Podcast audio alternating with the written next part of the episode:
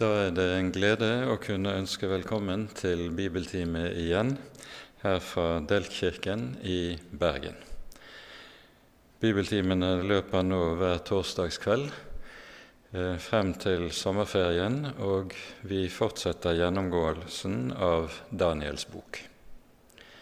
I dag vil vi først og fremst ta frem for oss kapittel syv men ser også litt på sammenhengen med det sjette kapittelet i boken, der vi hører om Daniel i løvehulen.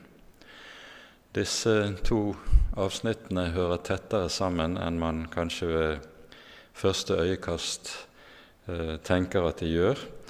Det skal vi se på etter hvert under bibeltimen. Men la oss be før vi begynner. Hellige Gud, himmelske Far, så takker og lover vi deg at vi skal få lov til å komme og stanse opp innenfor ditt hellige ord. Takk, Hellige Herre Gud, at du er vår Gud og vår Far, og har gitt oss å være dine barn for Jesu Kristi skyld. Vi takker og lover deg at du har gitt din Sønn all makt i himmel og på jord. Og gjennom budskapet i Daniels bok lærer oss hvorledes du er den som fra begynnelsen forkynner enden. Nå ber vi, gode Gud og Far, at du vil være til stede med din Hellige Ånd i denne bibeltimen, at du vil lukke opp dine ord og skrive dem inn i våre hjerter. Det ber vi for Jesu Kristi skyld. Amen. Når vi i kveld begynner på det syvende kapittelet i Daniels bok, så begynner vi med det også på den andre hoveddelen av boken, det som vi kan kalle den profetiske hoveddel.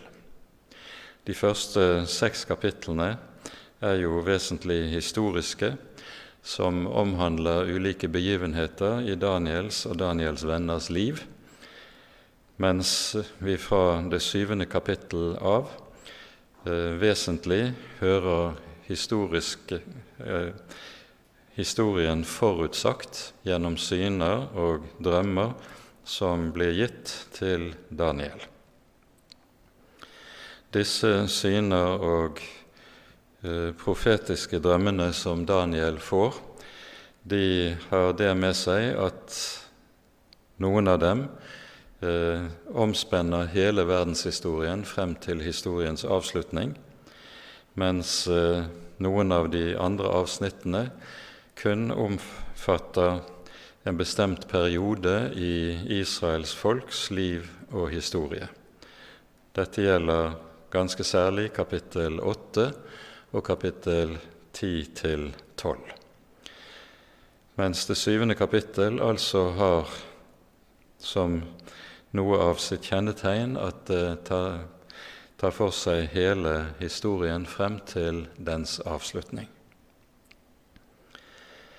Det er en nøye sammenheng mellom det syvende kapittel her i Daniels bok og det andre kapittelet.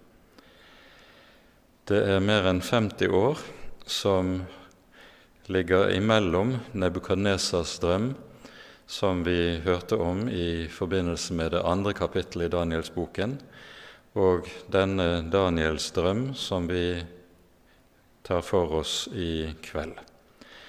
Og vi tar oss nå tid til å lese gjennom det syvende kapittelet.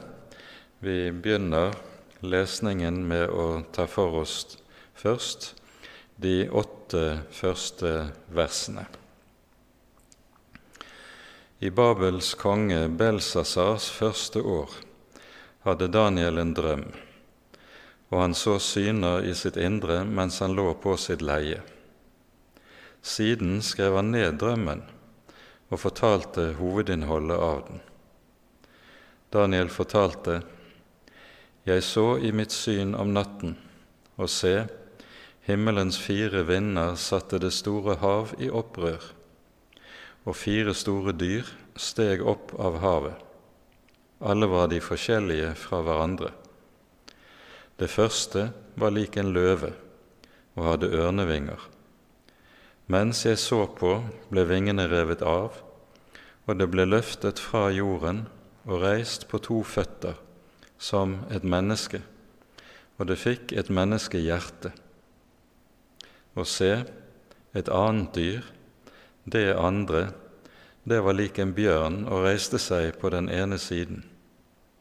I gapet mellom tennene hadde det tre ribben, og det ble sagt til det, stå opp og et mye kjøtt. Deretter så jeg i mitt syn et annet dyr som lignet en leopard.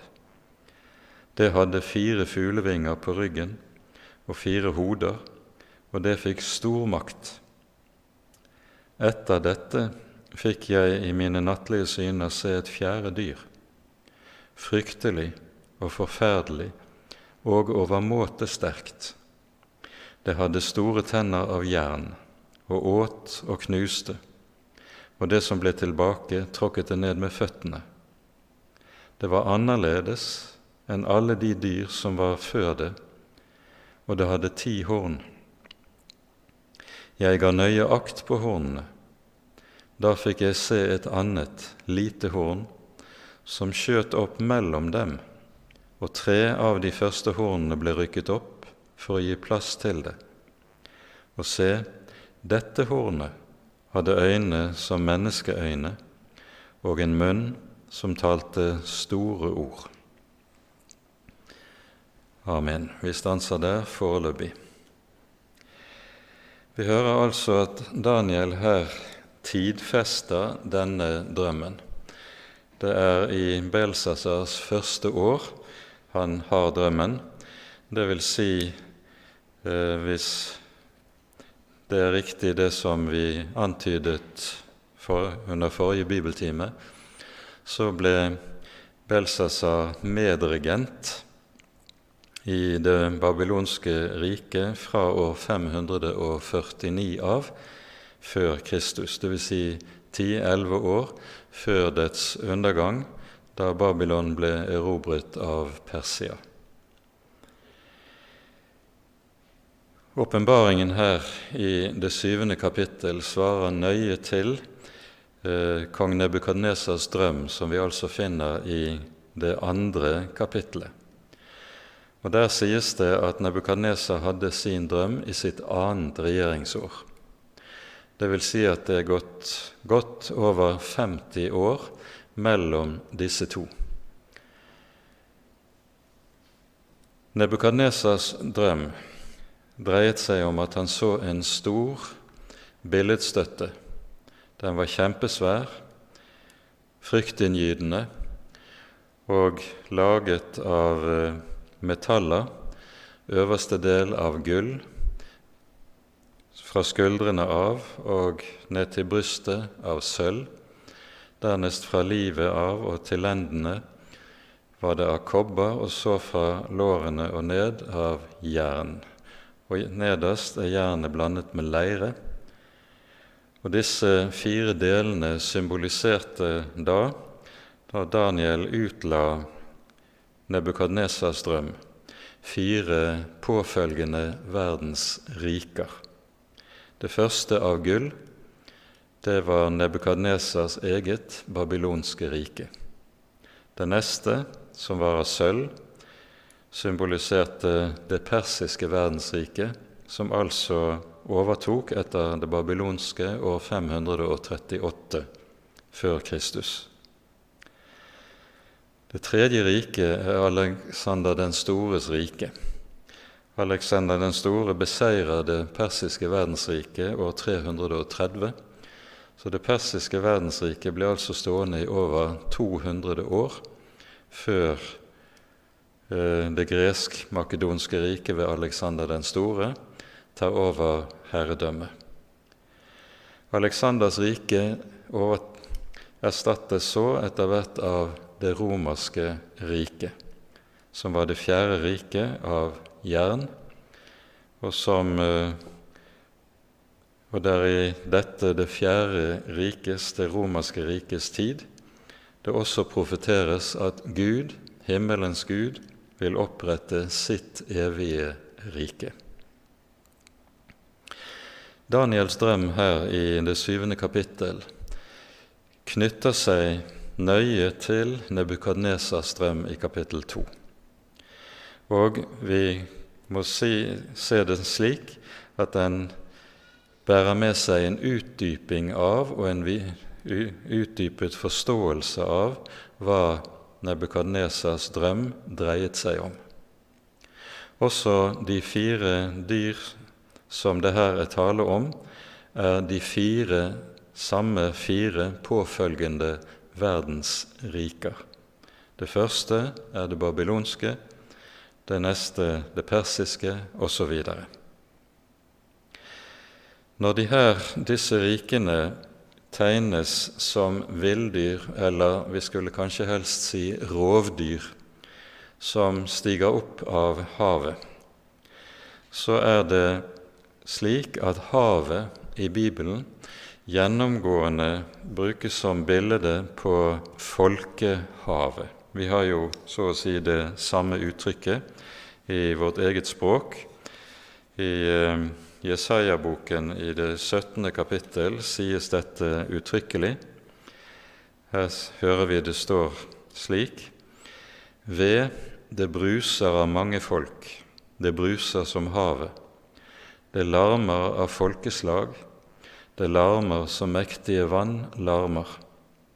Ja, det larmer av folkeslag som mange vann larmer. Og Nettopp dette er bildet som anvendes her i kapittel 7. Villdyrene som stiger opp av havet, det er verdensrikene som stiger frem av det opprørte folkehav. De fire vinder som blåser og opprører havet, slik at det blir meget opprørt, de symboliserer eh, verden Firetallet er jo i Bibelen verdenstall. Vi taler jo gjerne også om de fire verdensretninger eller de fire verdenshjørner i vårt eget språk. Og Den samme symbolikken finner du også i Bibelen. Og folkehavet opprøres. Det er stor uro, det er stor sosial uro, det er krig, nød, og dette fører til at folkene støter mot hverandre, folkeslagene bruser. Og ut av dette opprørte havet er det det ene verdensriket etter det andre stiger frem. Det første verdensriket som vi hører om, det tegnes under bildet av en løve som har vinger som ørn. Dette er altså svaret til hodet av gull i Nebukadnesas drøm. Når vi hører om at dette tegnes under bildet av løven og ørnen, så er det slik at disse to dyr jo er eh, regnes som kongene i hver sitt, sin del av dyreriket. Og med dette så holder billedbruken i Daniels bok fast ved dette at akkurat som Nebukadneser og hans rike tegnes som hodet av gull, så representerer dette riket det edleste av disse fire riker. Det sies om dette, denne eh, skikkelsen, dette rovdyret, at vingene blir revet av, og det blir kastet til jorden og får reiser seg og blir som et menneske og får et menneskes hjerte. Dette refererer til det vi hørte i det fjerde kapittelet i Daniels bok, der vi hører om hvorledes Nebukadnesa ydmykes og blir som et dyr gjennom en periode på så meget som syv år, hvoretter han omvender seg til Han som er den eneste sanne Gud, himmelens og jordens herre og skaper. Da får han et menneskes hjerte. Og Dette betegner også og er bakgrunnen for at det babylonske riket tegnes som det edle, det edleste riket. Det babylonske verdensriket etterfølges så av det medisk-persiske riket. Det er, eh, og det tegnes under bildet av en grådig bjørn som stiger opp av havet. Ingen kan stå seg mot denne bjørnen, og når det står at den gnager på tre ribben av et dyr, så sikter det til de tre store rikene som perserne overvant, nemlig det lydiske, det babylonske og det egyptiske riket, som alle ble overkjørt av Persia. Og Persia blir eh, enerådende i hele denne regionen som et veldig verdensrike i hele 200 år, som vi har pekt på. Det persiske verdensriket etterfølges så av det gresk-makedonske riket ved Alexander den store. Dette er tegnet under bildet av en leopard som har fire vinger. Leoparden er uhyre rask, uhyre smidig, like som Alexander var det i hele sin erobringsvirksomhet. Og Det at leoparden har fire vinger, det peker på det samme, at han skal fare frem med en veldig hastighet. Det er jo også rent historisk slik at Hero, eh, Alexander gjorde alle sine erobringer i løpet av en så kort periode som 13 år. Og hans rike var i antikken det største verdensriket som historien hadde sett, ikke bare inntil da, men helt frem til det kom et annet rike inn på arenaen, mer enn 1000 år senere, nemlig det mongolske riket. Men det er en annen historie og berøres ikke her. Alexander den stores rike tegnes med, og leoparden tegnes under bildet av et dyr som har fire hoder. Det henger sammen med at Alexander døde meget ung. Han hadde ingen eh, etterkommere, og Det førte til at, at hans rike ble delt mellom hans fire generaler. Og dette er da bakgrunnen for at når det romerske riket kommer inn på historiens arena, så erobrer det romerske riket gradvis hvert av disse fire rikene som sto igjen etter Alexander den store. Det romerske riket tegnes ikke under bildet av noe kjent dyr. Det sies bare om dette riket at Daniel fikk i sine nattlige syner se et fjerde dyr, fryktelig og forferdelig og overmåte sterkt. Det hadde store tenner av jern og åt og knuste, og det som ble tilbake, tråkket det ned med sine føtter.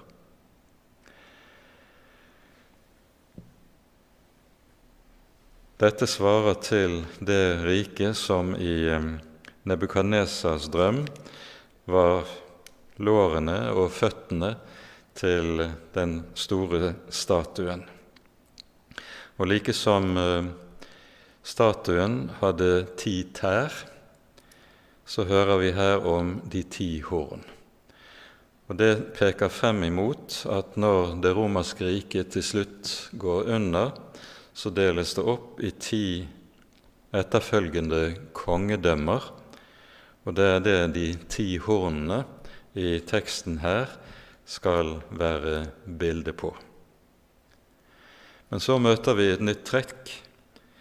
Det vokser opp et ellevte horn som eh, fortrenger tre av de foregående. Og dette trekket blir en hovedsak senere i kapittelet. For med dette ellevte hornet så peker teksten frem imot det som i Det nye testamentet kalles for eller vi med Det nye testamentet kan kalle for det antikristelige verdensriket, som altså fremstår ved historiens avslutning. Men før vi kommer så langt og leser denne delen av kapittel 7, så må vi lese videre fra vers 9. Etter at Daniel nemlig har sett disse fire villdyrene, hører vi det sies:" Mens jeg så på, ble tronstoler satt frem, og en gammel av dager tok sete.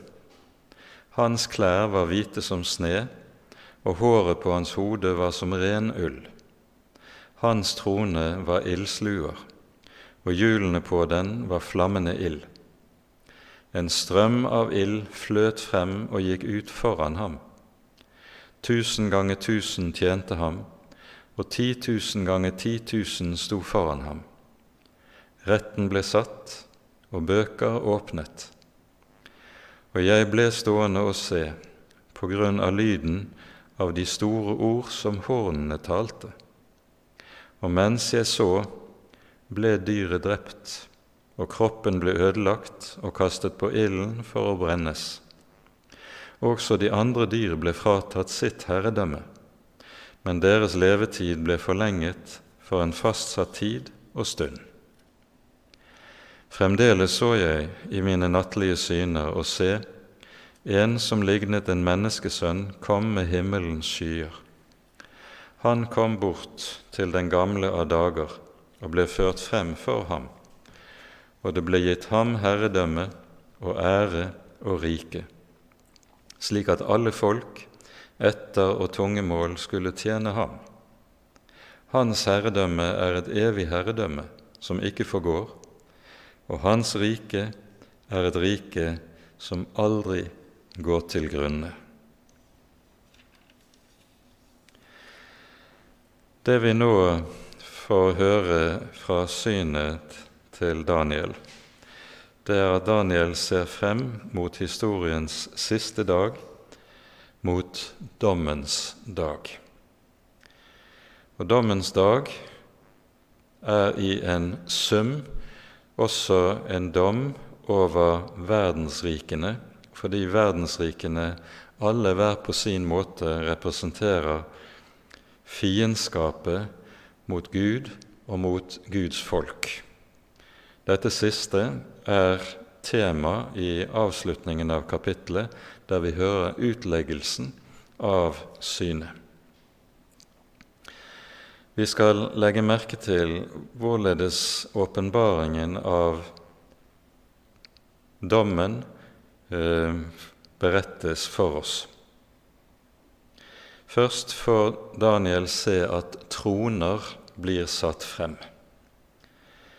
Det er først og fremst to troner det er herredøm taler om. Den første tronen er den tronen det er han som kalles for Den gamle av dage, tar sete. Det er den allmektige Faderen som sitter på tronen, og det er tegnet med her med viktige bibelske symboler. Det at klesdrakten er rent hvit, peker på hans rene hellighet. Denne hellighet omtales f.eks. i 1. Johannes brev, der det sies 'Gud er lys, og det er intet mørke i ham'. Gud er en for hvem alt som er ondt, urent, vanhellig, det er vesensfremmed for ham. Og nettopp dette symboliserer den rene, hvite kjortel eller kappen han er kledd i. Det at han er avtegnet med hvitt, rent hår, det peker på at han, nettopp dette at han kalles den gamle av dage. Det er han som er fra evighet av og er til evighet, han hvis dager ikke kan telles. Når det så står at det fra tronen flyter ut en elv av ild, så er dette bildet på Guds domsgjerning. Dette er et bilde som vi møter flere steder i Den hellige skrift, ikke minst eh, i Salmenes bok.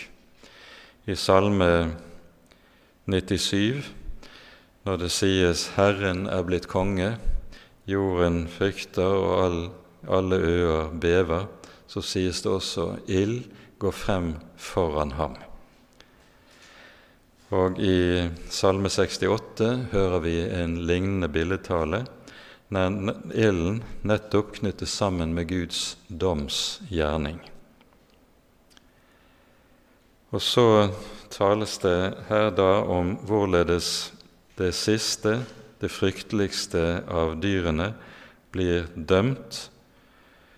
Det står at det blir drept, og dets kropp kastet på ilden for å brennes. Og så er det vi deretter får se han som ligner en menneskesønn. Han kom bort til den gamle av dager og ble ført frem til ham, og det ble gitt ham herredømme, ære og rike.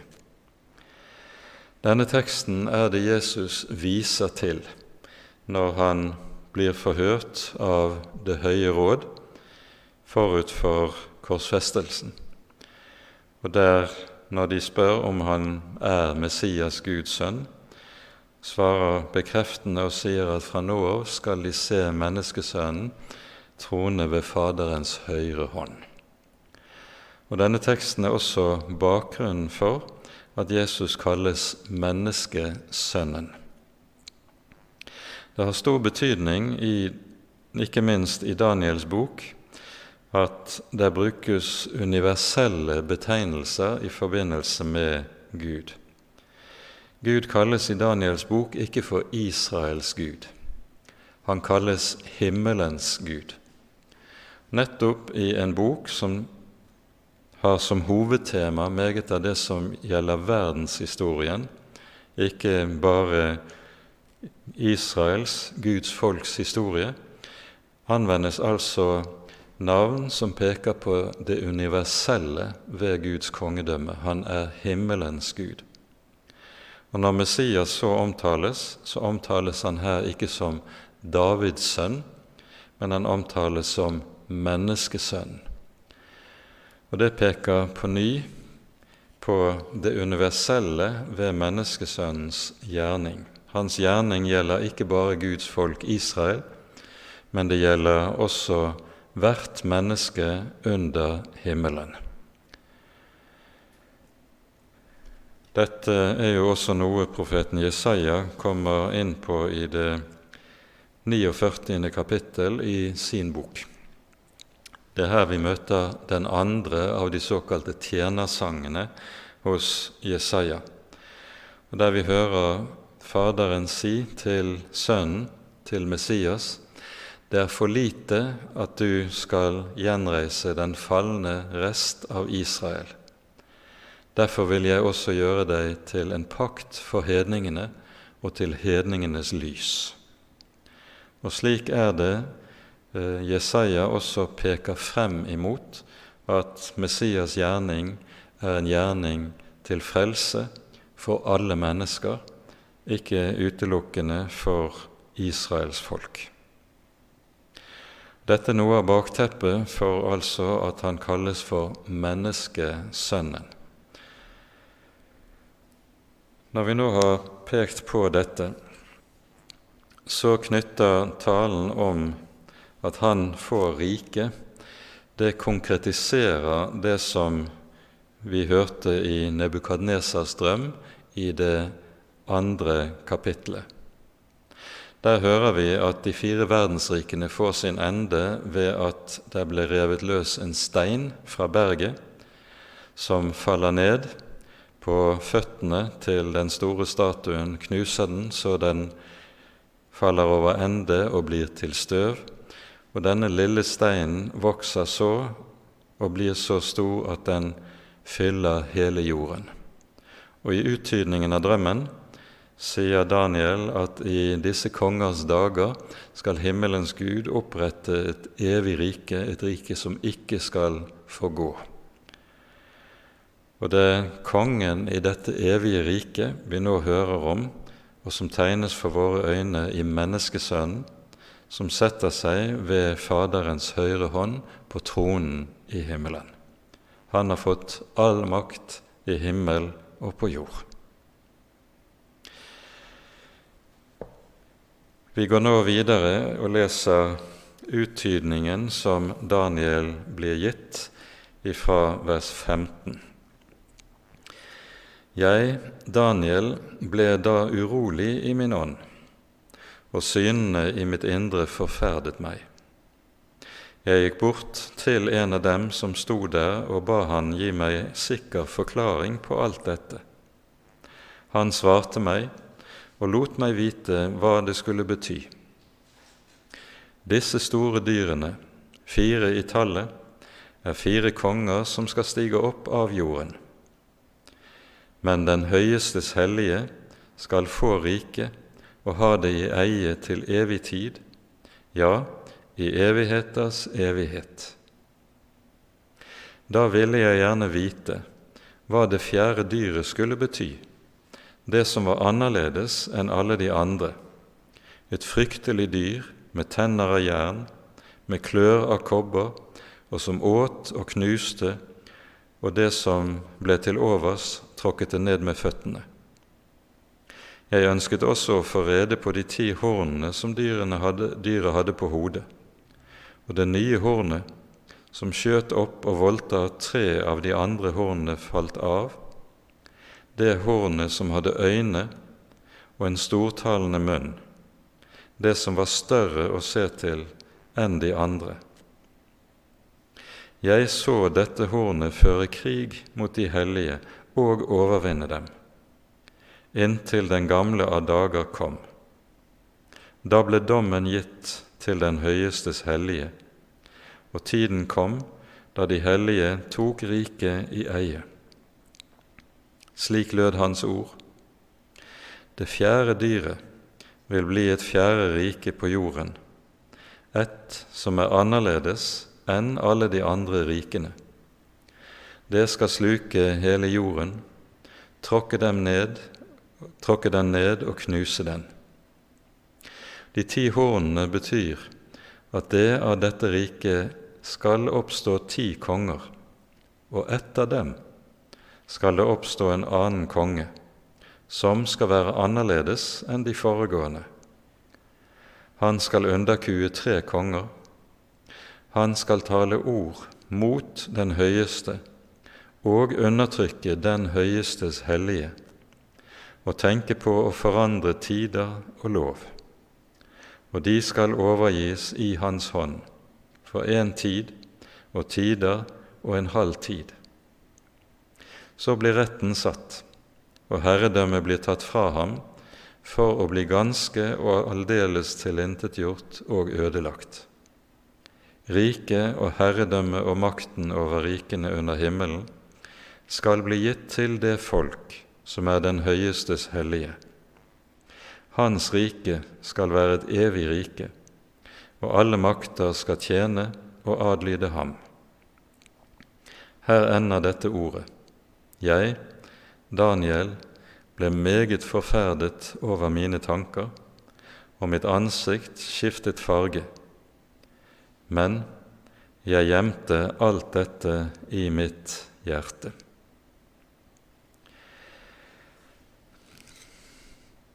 Det vi her hører særlig fange Daniels oppmerksomhet, det er altså det fjerde og det siste dyret som er det frykteligste dyret. Dette er altså, som vi allerede har pekt på, det romerske riket, som i sin tid kommer til å oppløses i ti ulike kongeriker, noe som også skjedde. Men på ruinene av dette skal det altså vokse frem et nytt rike, Dette er det som symboliseres ved det ellevte hornet som vokser frem. Og dette hornet har særlige kjennetegn. Med det vi her har pekt på, så leder Bibelen oss direkte inn i det trettende kapittelet i Johannes' åpenbaring, som kun kan forstås om det leses i sammenheng nettopp med Daniels syvende kapittel. I det trettende kapittelet i åpenbaringsboken er det antikristelige riket skildret også som et rovdyr som stiger opp av havet. Det har mange av de samme kjennetegnene som det siste villdyret som vi her hører om, det romerske riket, og kombinerer i seg trekk fra, også fra de tre foregående rikene. Vi hører det sies om dette verdensriket som en dag skal komme, som altså vokser frem på Romerrikets ruiner, at dette riket det kjennetegnes ved at det får all sin makt fra dragen, dvs. Si fra djevelen. Djevelen ga dette riket, denne konge, all sin makt. Når, og Dette er da det antikristelige riket, som enda ikke har stått frem på historiens arena, men slik vi hører det eh, skildres her i Daniels bok, så vil det vokse frem på ruinene av det som en gang var det romerske verdensriket. Dette riket er kjennetegnet ganske særlig ved fiendskapet mot himmelens Gud og alle som hører ham til. Derfor sies det i teksten som vi her har lest, at dette riket skal føre krig mot de hellige og overvinne dem. Og i det 25. verset sies det de hellige skal overgis i Hans hånd for en tid og tider og en halv tid, altså tre og et halvt år. Om dette tallet er symbolsk ment, eller om det skal leses eh, helt konkret, det er ikke godt å si. Det er noe vi må la stå åpent. Men nettopp det vi hører om her, det er noe som gjentas uttrykkelig i åpenbaringsbokens eh, 13. kapittel, der det sies uttrykkelig at dyret førte krig over de hellige, og det ble gitt det å seire over de hellige. Det betyr at det her tale, er tale om en forfølgelsestid uten sidestykke i historien som skal iverksettes av denne Antikrist. Det annet trekk som særlig fremheves, det er at han taler mot den høyeste, han taler store ord. Og nettopp dette er det vi møter igjen i slik antikristen beskrives i Det nye testamentet. Du hører lignende beskrivelse i eh, det 13. kapittelet i åpenbaringsboken.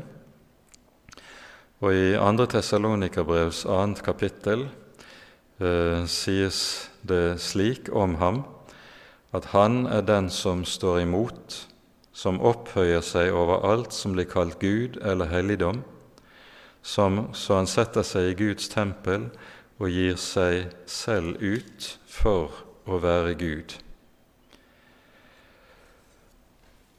Han skal tale store ord mot den høyeste, mot himmelens Gud.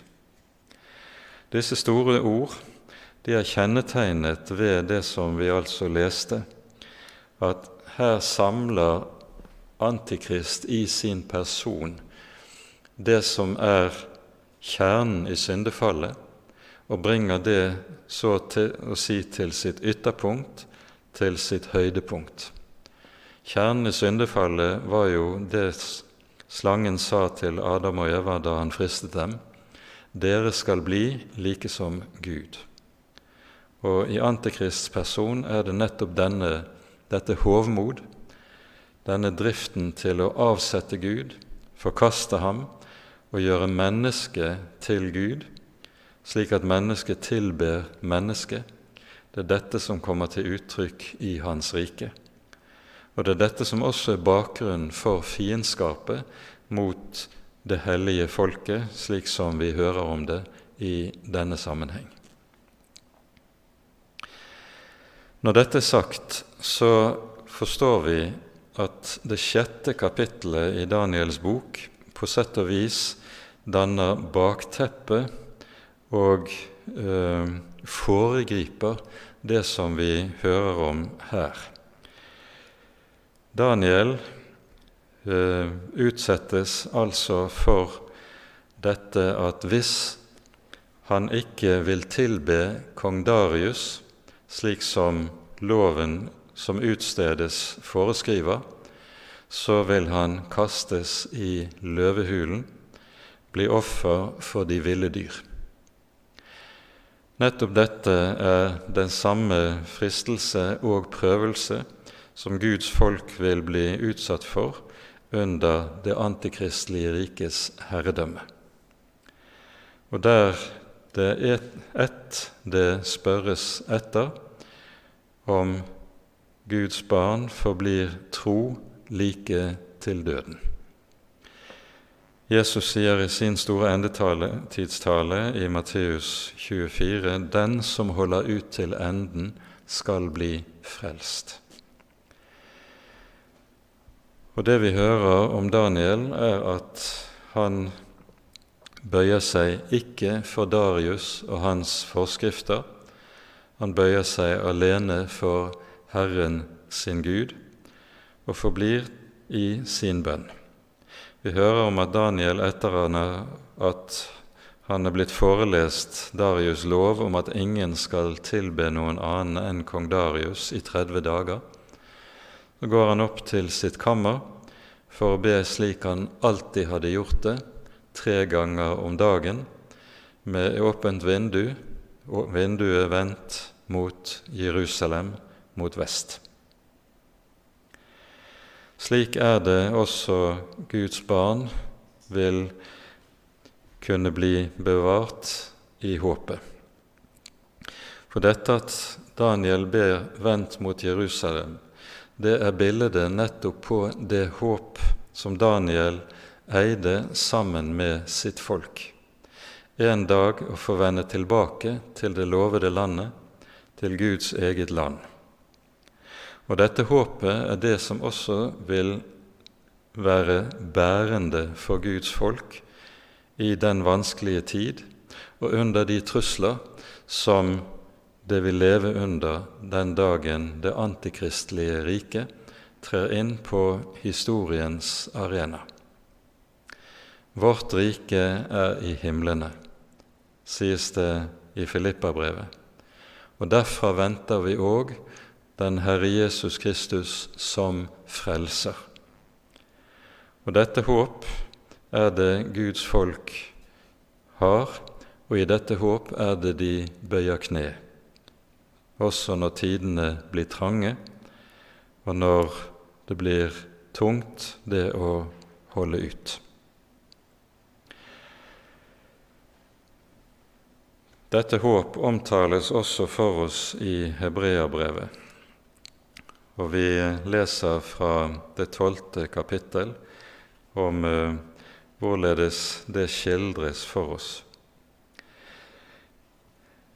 Det jordiske Israel kom til Sinai berg, men vi som hører til det nye Israel, det nye pakts Guds folk, om oss sies det:" Dere er kommet til Sions berg, den levende Guds by, det himmelske Jerusalem, til englenes myriader, til høytidsskaren og menigheten av de førstefødte som er oppskrevet i himlene, og til en dommer som er alles Gud, og de fullendtes rettferdige ånder, og til Jesus, mellommannen for en ny pakt, og til bestenkningens blod, som taler bedre enn Abels blod. Når tidene blir trange, skal vi også be med vinduet åpent mot det som er vårt Jerusalem. Det er håpet som er noe av det bærende i troen når dagene blir vonde, når dagene blir trange. Daniel må ta konsekvensene av sin troskap. Han kastes i løvehulen. Rent arkeologisk vet man at eh, det å kaste folk for løvene var en ikke uvanlig henrettelsesmetode hos perserne, mens i, hos babylonerne var dette ikke tilfellet. Der var det i stedet slik nettopp at ildovnen, som vi hører om i det tredje kapittel, den var anvendt som henrettelsesmetode.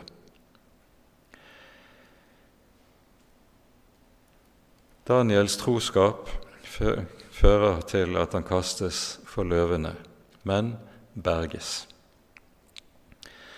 Og løftet om seieren, den ligger også i det som forkynnes her i det syvende kapittel i Daniels bok. Når Skriften på denne måte tegner for oss en fremtid som kan bære med seg store trengsler for Jesu navns skyld, så gjør den det av to grunner. For det første at vi skal være forberedt på det som kommer. Jesus har sagt det forut. Dette er noe som ikke kom tilfeldig ikke kom fordi Herren ikke visste det. Nei, han vet, og han har talt om det på forhånd.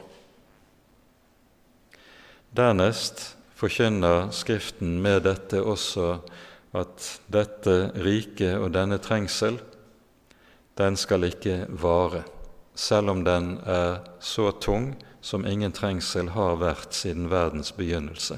Dette sier Jesus uttrykkelig i sin endetidstale. Men han lover også og sier at disse dager skal bli forkortet for de utvalgte skyld. Og så hører vi det sies uttrykkelig, sånn som vi har lest det her i Daniel 7, at Herren selv kommer og vil dømme dette siste hovmodige hornet og gjøre ende på dets rike, og så skal herredømmet høre Herren til og hans folk. Vi leste i vers 27 her i kapittel 7 Riket og herredømmet og makten over rikene under himmelen skal bli gitt til det folk som er den høyestes hellige. Hans rike skal være et evig rike, og alle makter og tjenere skal adlyde ham.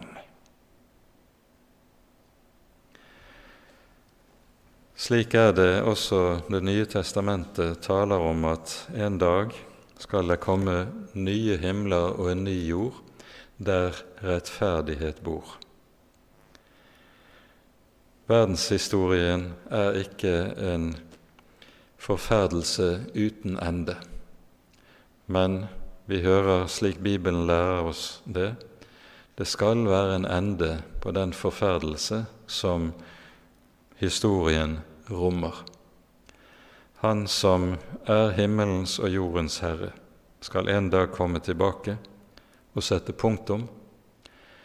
Og så skal djevelen og hans tjenere kastes i ildsjøen, og dommen skal føre godhet, rettferdighet hellighet, nåde og kjærlighet fremfor lyset, så det blir det eneste som står tilbake. Nye himler og en ny jord der rettferdighet bor. I lys av Det nye testamentet så kan vi utfylle det bildet som tegnes for oss her i det syvende kapittel i Daniels bok. Men det er viktig å være oppmerksom på at en rekke tekster i Det nye testamentet som taler om de siste tider og de siste ting, de henger uløselig sammen nettopp med dette avsnittet i Daniels-boken, og må forstås og leses i lys av det. Med dette tror jeg vi er kommet til enden for dagens bibeltime, og vi setter punktum her. Ære være Faderen og Sønnen og Den hellige ånd, som var og er og være skal, en sann Gud, høylovet i evighet. Amen.